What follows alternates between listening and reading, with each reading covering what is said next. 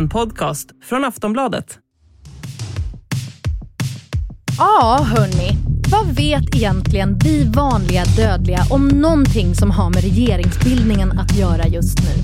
Det finns några tydliga ledtrådar om de närmsta fyra åren och om hur mycket inflytande Sverigedemokraterna kommer få. Dessutom, hur ska Ulf Kristersson hantera Nord Stream-läckorna som sin första utmaning i rollen som statsminister? Plus, håll i er! Idag får ni en massa snask om hur livet i riksdagen egentligen är. Vi får veta om var i riksdagen man får det bästa skvallret, om vilka som hänger på rökbalkongen och hur mycket det egentligen vinas på festerna. Det här är Aftonbladets politikpodd En runda till med My Råväder, Lena Melin och mig, Soraya Hashim.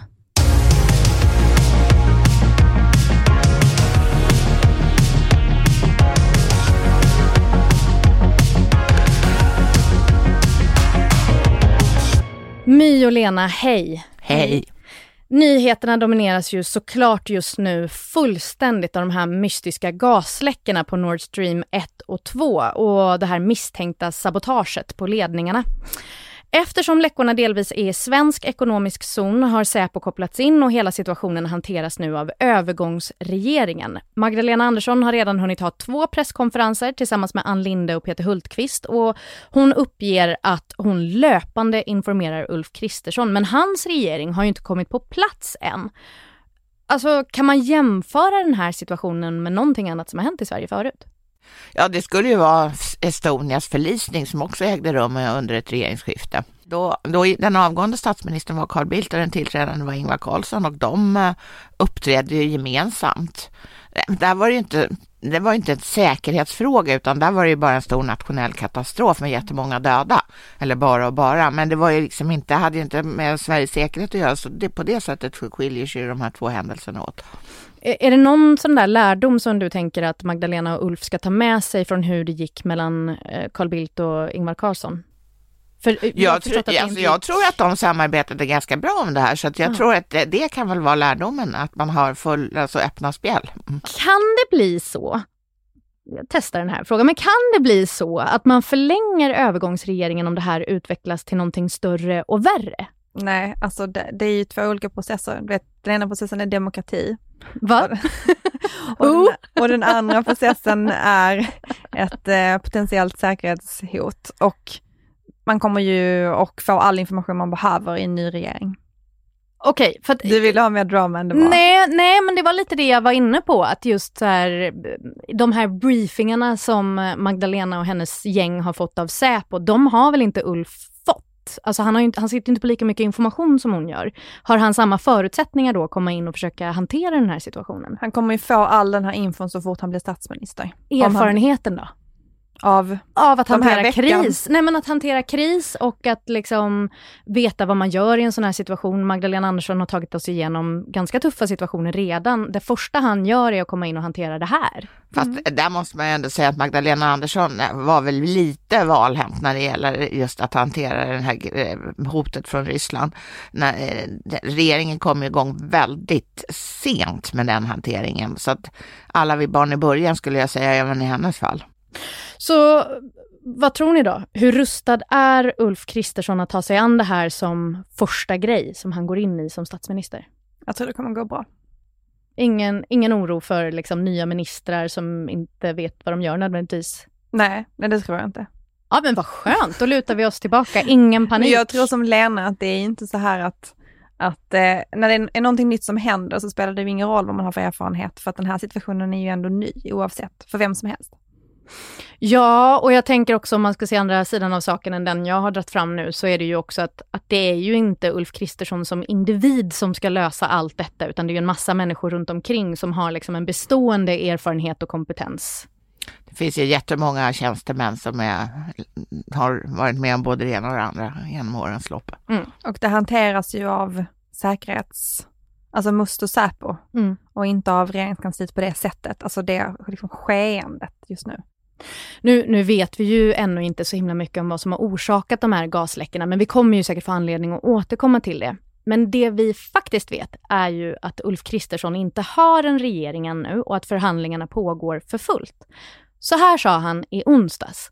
Eh, första steget i helheten det var ju det vi gjorde i måndags och det var ju talmanspresidium och all riksdagsformalia som vi då enade, eller formalia låter slarvigt, jag menar alltså allting som har med riksdagens eh, arbete att göra. Givet detta och givet den komplexitet som ligger framför oss så har jag idag föreslagit att jag får två veckors sonderingstid med åter eller lägesrapport efter en vecka. Hur tycker ni det går för honom? Långsamt. Inte till skillnad från senast. Nej, men jag vill bara påpeka att han ungefär hela valrörelsen har sagt att jag vill få saker gjorda. Ja, det tar lite tid uppenbarligen för dig också. Ulf.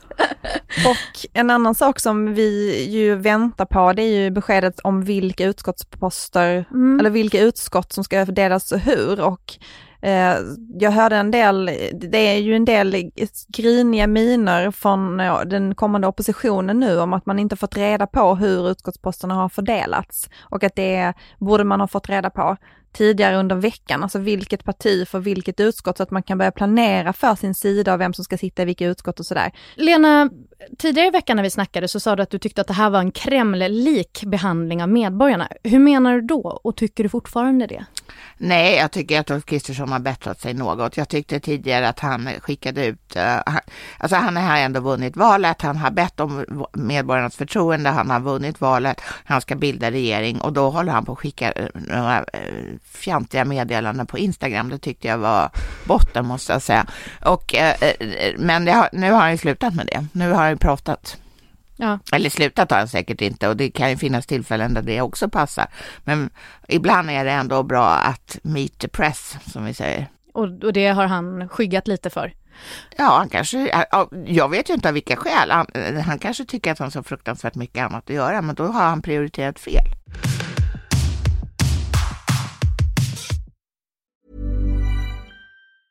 Life is made up of many gorgeous moments. Cherish them all, big and small, with Blue Nile. Whether it's for yourself or a loved one, Blue Nile's unrivaled selection of expertly crafted fine jewelry and statement pieces help make all your moments sparkle. Blue Nile's experts are on hand to guide you, and their diamond guarantee ensures you get the highest quality at the best price. Celebrate a life well lived in the most radiant way and save up to 30% at BlueNile.com. That's BlueNile.com. Vi, vi ska gå in på det här med utskotten. Eh, Eh, vi fick ju veta saker om utskotten i söndags. Det är att högersidan har 16 utskottsordförande och viceordförandeposter att fördela ut mellan sig. Och där fick Sverigedemokraterna hälften av de posterna. Och det här är första gången som Sverigedemokraterna har fått ordförandeposter i utskotten. Vilka utskott det handlar om vet vi som sagt inte ännu. Men vad innebär det att vara ordförande i ett utskott? Alltså tillhör man samma planhalva som, som regeringskonstellationen, Mm. då är det ju jätteviktigt, då är det ens viktigaste uppgift att se till att regeringen får igenom sin politik eh, i så hög grad som möjligt. I mitt huvud så tänker jag att en ordförandepost är liksom mer formalia, att man ser till att man håller ihop mötet, men har man mer makt som ordförande i ett utskott än de andra? Man har pyttelite mer makt. Det är ju att man har en utslagsröst. Men det är ju inte någonting som behövs sådär jätteofta. Alltså att man har, det blir ju, om det blir jämnt så har man utslagsrösten eftersom man har ojämnt antal i varje utskott. I, I kammaren sen så har ju då regerings, det här regeringsunderlaget till exempel har 176 röster. Och då har de ju förhandlat, sett till att den politiken som läggs fram till riksdagens kammare, i utskottet har man sett till att alla där i den gruppen är överens Ja. om att man kommer att rösta på den här politiken. Att det inte är någon som är missnöjd i liksom, i, så att det inte blir en majoritet i riksdagen sen, inne i kammaren när man röstar. Så att det, i utskotten sitter ju personer, alltså det är ju baserat på kammarens sammansättning. Så det finns också. representanter från alla partier liksom. Precis. Ja. Men, Men- det, alltså, det har ju hänt vid några enstaka tillfällen att saker och ting har ändrats i, under debattens gång. Det mest kända är väl den här FRA-lagen. Eh, då, då ändrades ju liksom underlag, för beslut, förslaget till beslut under debattens gång. Mm. Men det, det är ytterst, ytterst ovanligt. Så det som, det som liksom bestäms i utskottet, det är det som sen kommer i, till 99% säkerhet röstas igenom sen i, i riksdagen också. Ja. SD, att de fick hälften av de här åtråvärda presidieposterna som det heter i utskotten. Vad säger det er om vad SDs inflytande kommer bli de närmsta fyra åren? det säger väldigt mycket om deras position i det här regeringsunderlaget.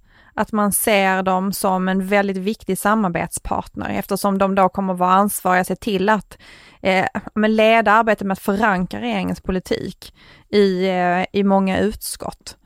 Eh, och att de också får en slags kontrollpunkt där de kan se till att om det kommer politik från regeringen som de inte alls gillar, att de kan ta upp det och liksom förhandla om det i utskotten.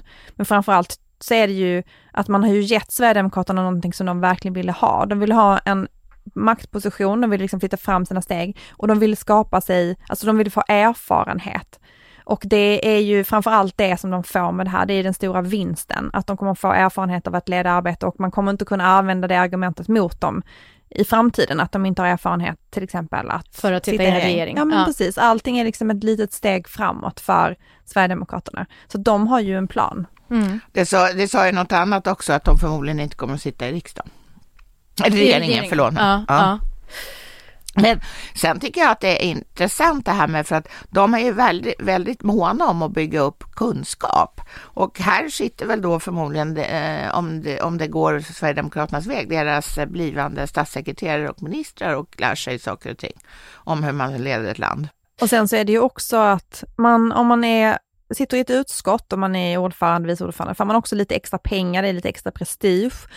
Eh, det gör ju också att Sverigedemokraterna har haft väldigt svårt att rekrytera eh, tjänstemän. Mm. Inte politiker i lite samma utsträckning som det var tidigare, men liksom tjänstemän och sådär har ändå varit ganska svårt att rekrytera. Men ju mer man har att erbjuda dem, ju mer liksom man har att visa att man kan få om man blir sverigedemokrat och engagerar sig. Just det, kolla vad mycket fler- inflytande du kan Exakt, få. Ja. desto fler kommer ju att söka sig dit. Så det har ju också blivit gradvis lättare för dem att rekrytera människor med erfarenheter från kanske andra partier eller regeringar, även om det fortfarande är väldigt skralt för den sidan. Mm. De har ju lite svårt fortfarande med att få till det här med kompetensen. Så det här är ju eh, en väldigt, ett väldigt stort eh, framsteg för dem att få den här positionen.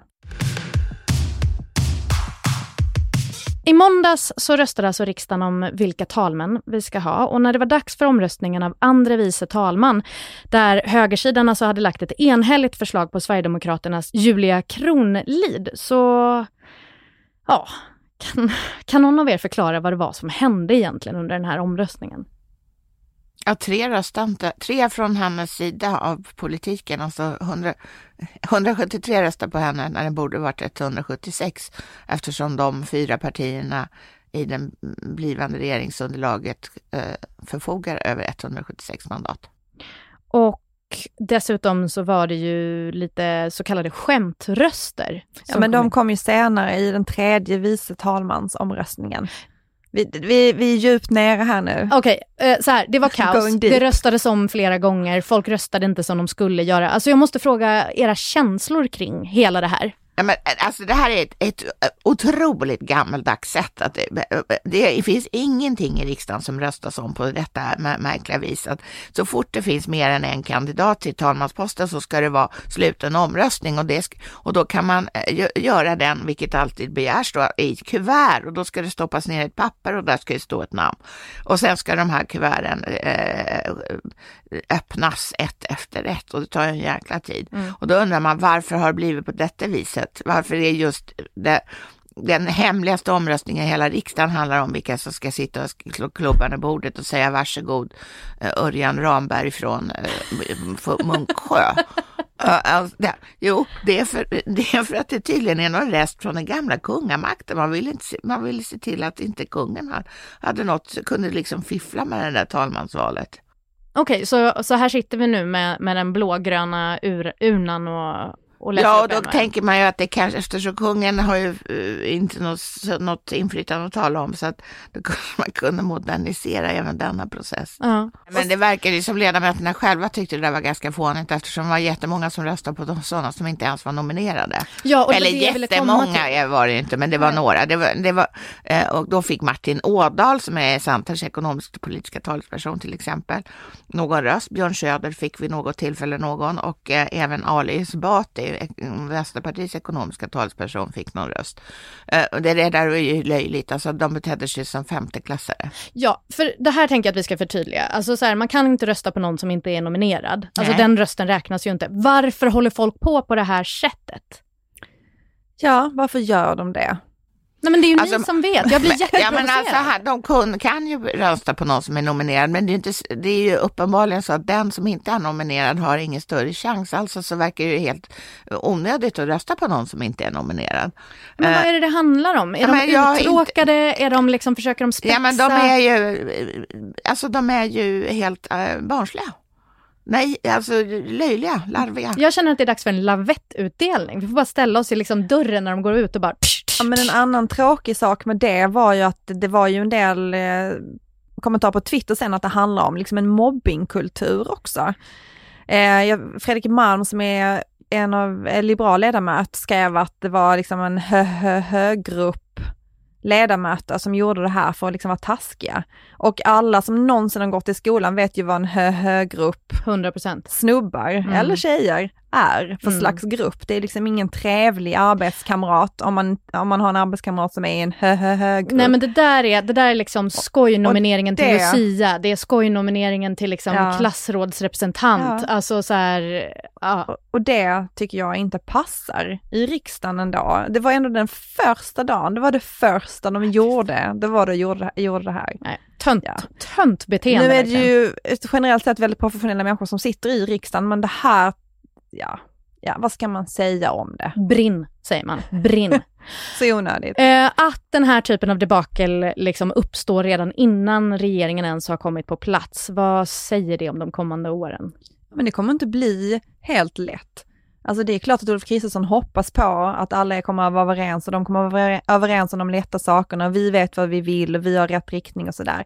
Men det är ändå väldigt tajt i riksdagen parlamentariskt. Och nu, nu betyder inte det här någonting att tre personer från något parti, vi vet ju inte vilket, det är en helt hemlig omröstning, eh, inte följer partilinjen. Men det kommer kanske betyda någonting nästa gång tre personer inte gör det. Mm. För att då kommer politiken som regeringen lägger fram inte gå igenom riksdagen.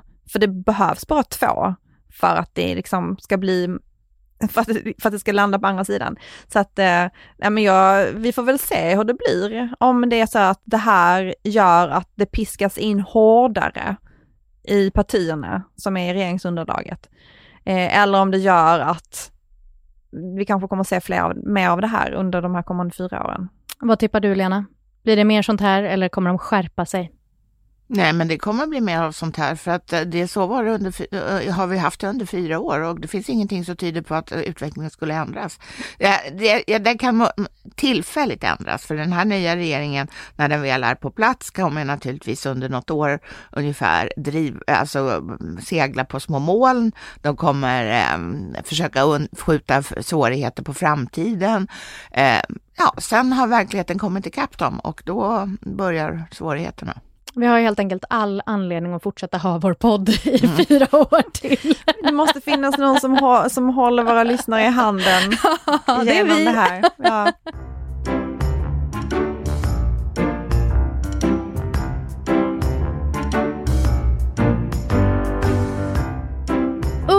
Talmansomröstningen så spreds det en bild på Twitter som visade att Annie Lööf och Jimmy Åkesson hade fått platserna bredvid varandra i kammaren och det här blev ju såklart ett, så här, en fnissig stund på, för stora delar av Twitter tills Annie Lööf då förklarade att de hade ju suttit bredvid varandra de senaste fyra åren. Det här var ju ingenting nytt överhuvudtaget. Vilket fick mig att undra, hur är egentligen riksdagen som arbetsplats? Om vi börjar med liksom ens faktiska fysiska arbetsplats. Hur, hur bestäms var man sitter? Ja, det beror ju på vilken plats man är invald på. Geografiskt var du invald. Det är alltså liksom en Stockholmsbänk, en Skånebänk, en Jönköpingsbänk som ju är den här där Jimmy Åkesson och Annie Lööf är invalda. Säger folk hej till varandra i korridorerna på den här arbetsplatsen? Ja, ofta. Så ganska överlag god stämning. Nej, alltså det, jag ska säga precis hur det är. Det är ett jädrans trippande efter de där riksdagsledamöterna. De är kungar och de behandlas som om de vore kungar. Och det är, eh, jag tycker, tycker att det är liksom väl underdånigt. Ehm, Från vems sida menar du? Ja, från alla anställda. Det var ett tag till exempel så eh, var det så här att man skulle, eller ett tag nu är det så, att man ska ha en sån här bricka på sig när man springer omkring i riksdagen Mm. så att man kan, eh, man kan liksom snabbt identifieras. Mm, eh, först fick då ledamö- behövde inte ledamöterna ha de där brickorna, så att, eh, varpå någon naturligtvis ingen hade det, för varför man skulle man kunna ha det? Ja. Ja. Så då skärptes det hela och då skulle alla ha brickor. Har riksdagsledamöter en bricka på sig? Det har de Nej. inte. Inte i tv. Nej, Nej. Okej, va- vart äter de någonstans? i matsalen. Det är en bricklunchställe, Stockholms billigaste skulle jag säga. Det var, ni, ni har ju liksom, jag har ju fått vara där en gång med er, vilket var en otrolig, det är ett minne jag bär med mig. Eh, då noterade jag också att så här, salladsbuffén, otroligt fin. Mm. Såser Nybakat och bröd. grejer. Ja men herregud vad gott de Men har. ledamöterna har ju en egen matsal där vi inte får gå in. Det finns ju liksom en allmän matsal där alla får sitta. Den är ganska liten. Eh, men, eh, och sen så har de en egen matsal där vi inte får gå in, där de sitter när de inte vill bli störda av sådana, du vet, kreti och pletti, sådana som vi. Så vad är anledningen till att de inte sitter i den egna matsalen då?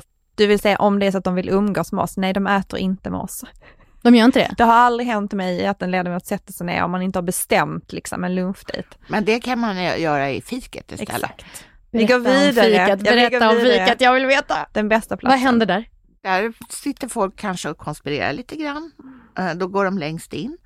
Och sen så, ja, så kan man, där kan man slå, slå sig ner över vem som helst och snacka, snickersnacka.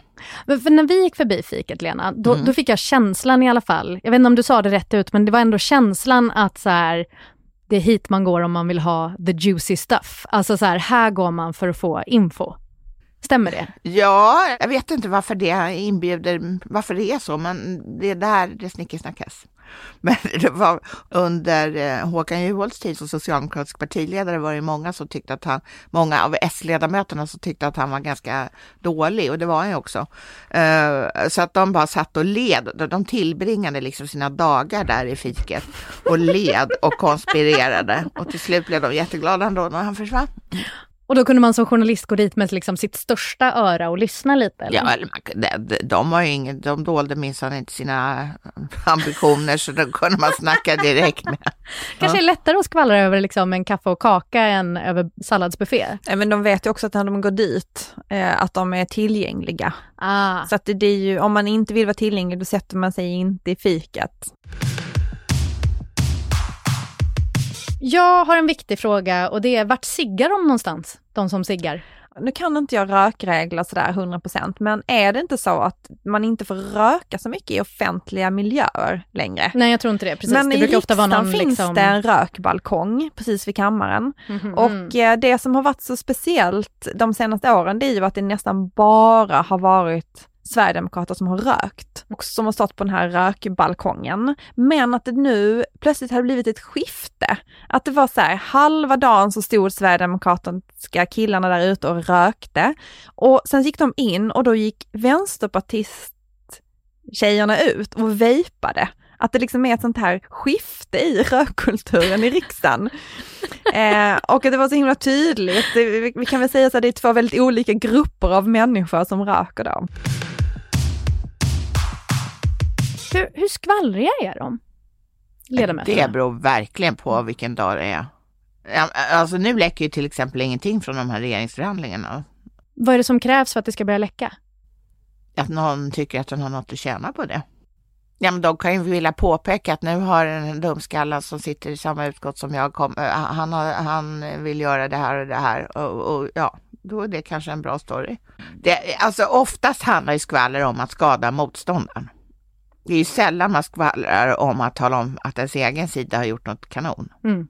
Efter öppnandet i tisdags så, hade ju, så var det ju ett mingel där dessa riksdagsledamöter drack alkohol på arbetstid för våra pengar. Hur lulliga blir de på sådana här grejer? Ja, Riksdagsledamöter. och jag vill säga att det är inte bara riksdagsledamöter utan det är ju de eh, inbjudna gästerna också. Det är alltså väldigt många myndighetschefer och liknande och eh, halva diplomatiska kåren. Och tidigare partiledare och grejer såg man ju också. Ja. Men, hur lulliga blir de? Hur, hur partaj är en sån här grej? Ja, det var nog ganska partajigt skulle jag säga. En god liten Ändå. dagsfylla. Ja, det skulle jag nog säga att det var många som hade en god liten dagsfylla.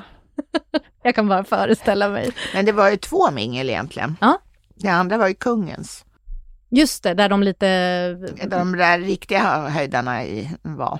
Vilka höjdare är det vi pratar om nu? Ja, det är partiledare och, och liknande. Men så alla andra, pöbeln, de var liksom på det här andra minglet där det dracks. Mm. Är det bibbar vi Ja, pratar jag om? utgår ifrån, jag nu tittade, var aldrig och tittade på det andra minglet, alltså kungens, men jag tror inte att det var alkoholfritt där heller. Nej men kungens mingel, där tänker jag, där, är det, där pratar vi ju vinkaraff. Men det här andra minglet som är för de här lite mer vanliga dödliga, är det bag-in-boxar vi Nej, pratar om? Nej. Vad är det då? Ja men det är vinflaskor. Det hälls upp i glas, Ja. ställs fram. Det är ganska fint där också. Det, ja men det är fint, absolut. Och folk klär upp sig och det är musik och, och sen så var det ju otroligt stark laxdoft. Alltså det var, det var så mycket laxdoft. Och det var så himla mycket folk. Och varmt och högljutt och ja, har liksom lagt av sig under pandemin. Att träffa så mycket folk var intryckt. Hörni, My och Lena, tack så hemskt mycket för den här veckan. En runda till stänger locket för den här gången och vi som har gjort programmet är producent Olivia Svensson, experter My Råväder och Lena Melin och jag heter Soraya Hashim. Vi hörs nästa vecka. Hej då!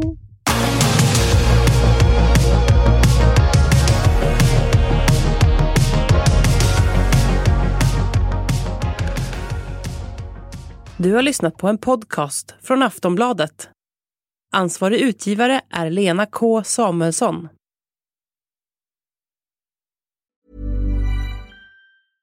Hey, I'm Ryan Reynolds. At Mint Mobile, we like to do the opposite of what Big Wireless does. They charge you a lot, we charge you a little. So naturally, when they announced they'd be raising their prices due to inflation, we decided to deflate our prices due to not hating you. That's right. We're cutting the price of Mint Unlimited from $30 a month to just $15 a month. Give it a try at mintmobile.com slash switch. $45 upfront for three months plus taxes and fees. Promo rate for new customers for limited time. Unlimited more than 40 gigabytes per month. Slows. Full terms at mintmobile.com.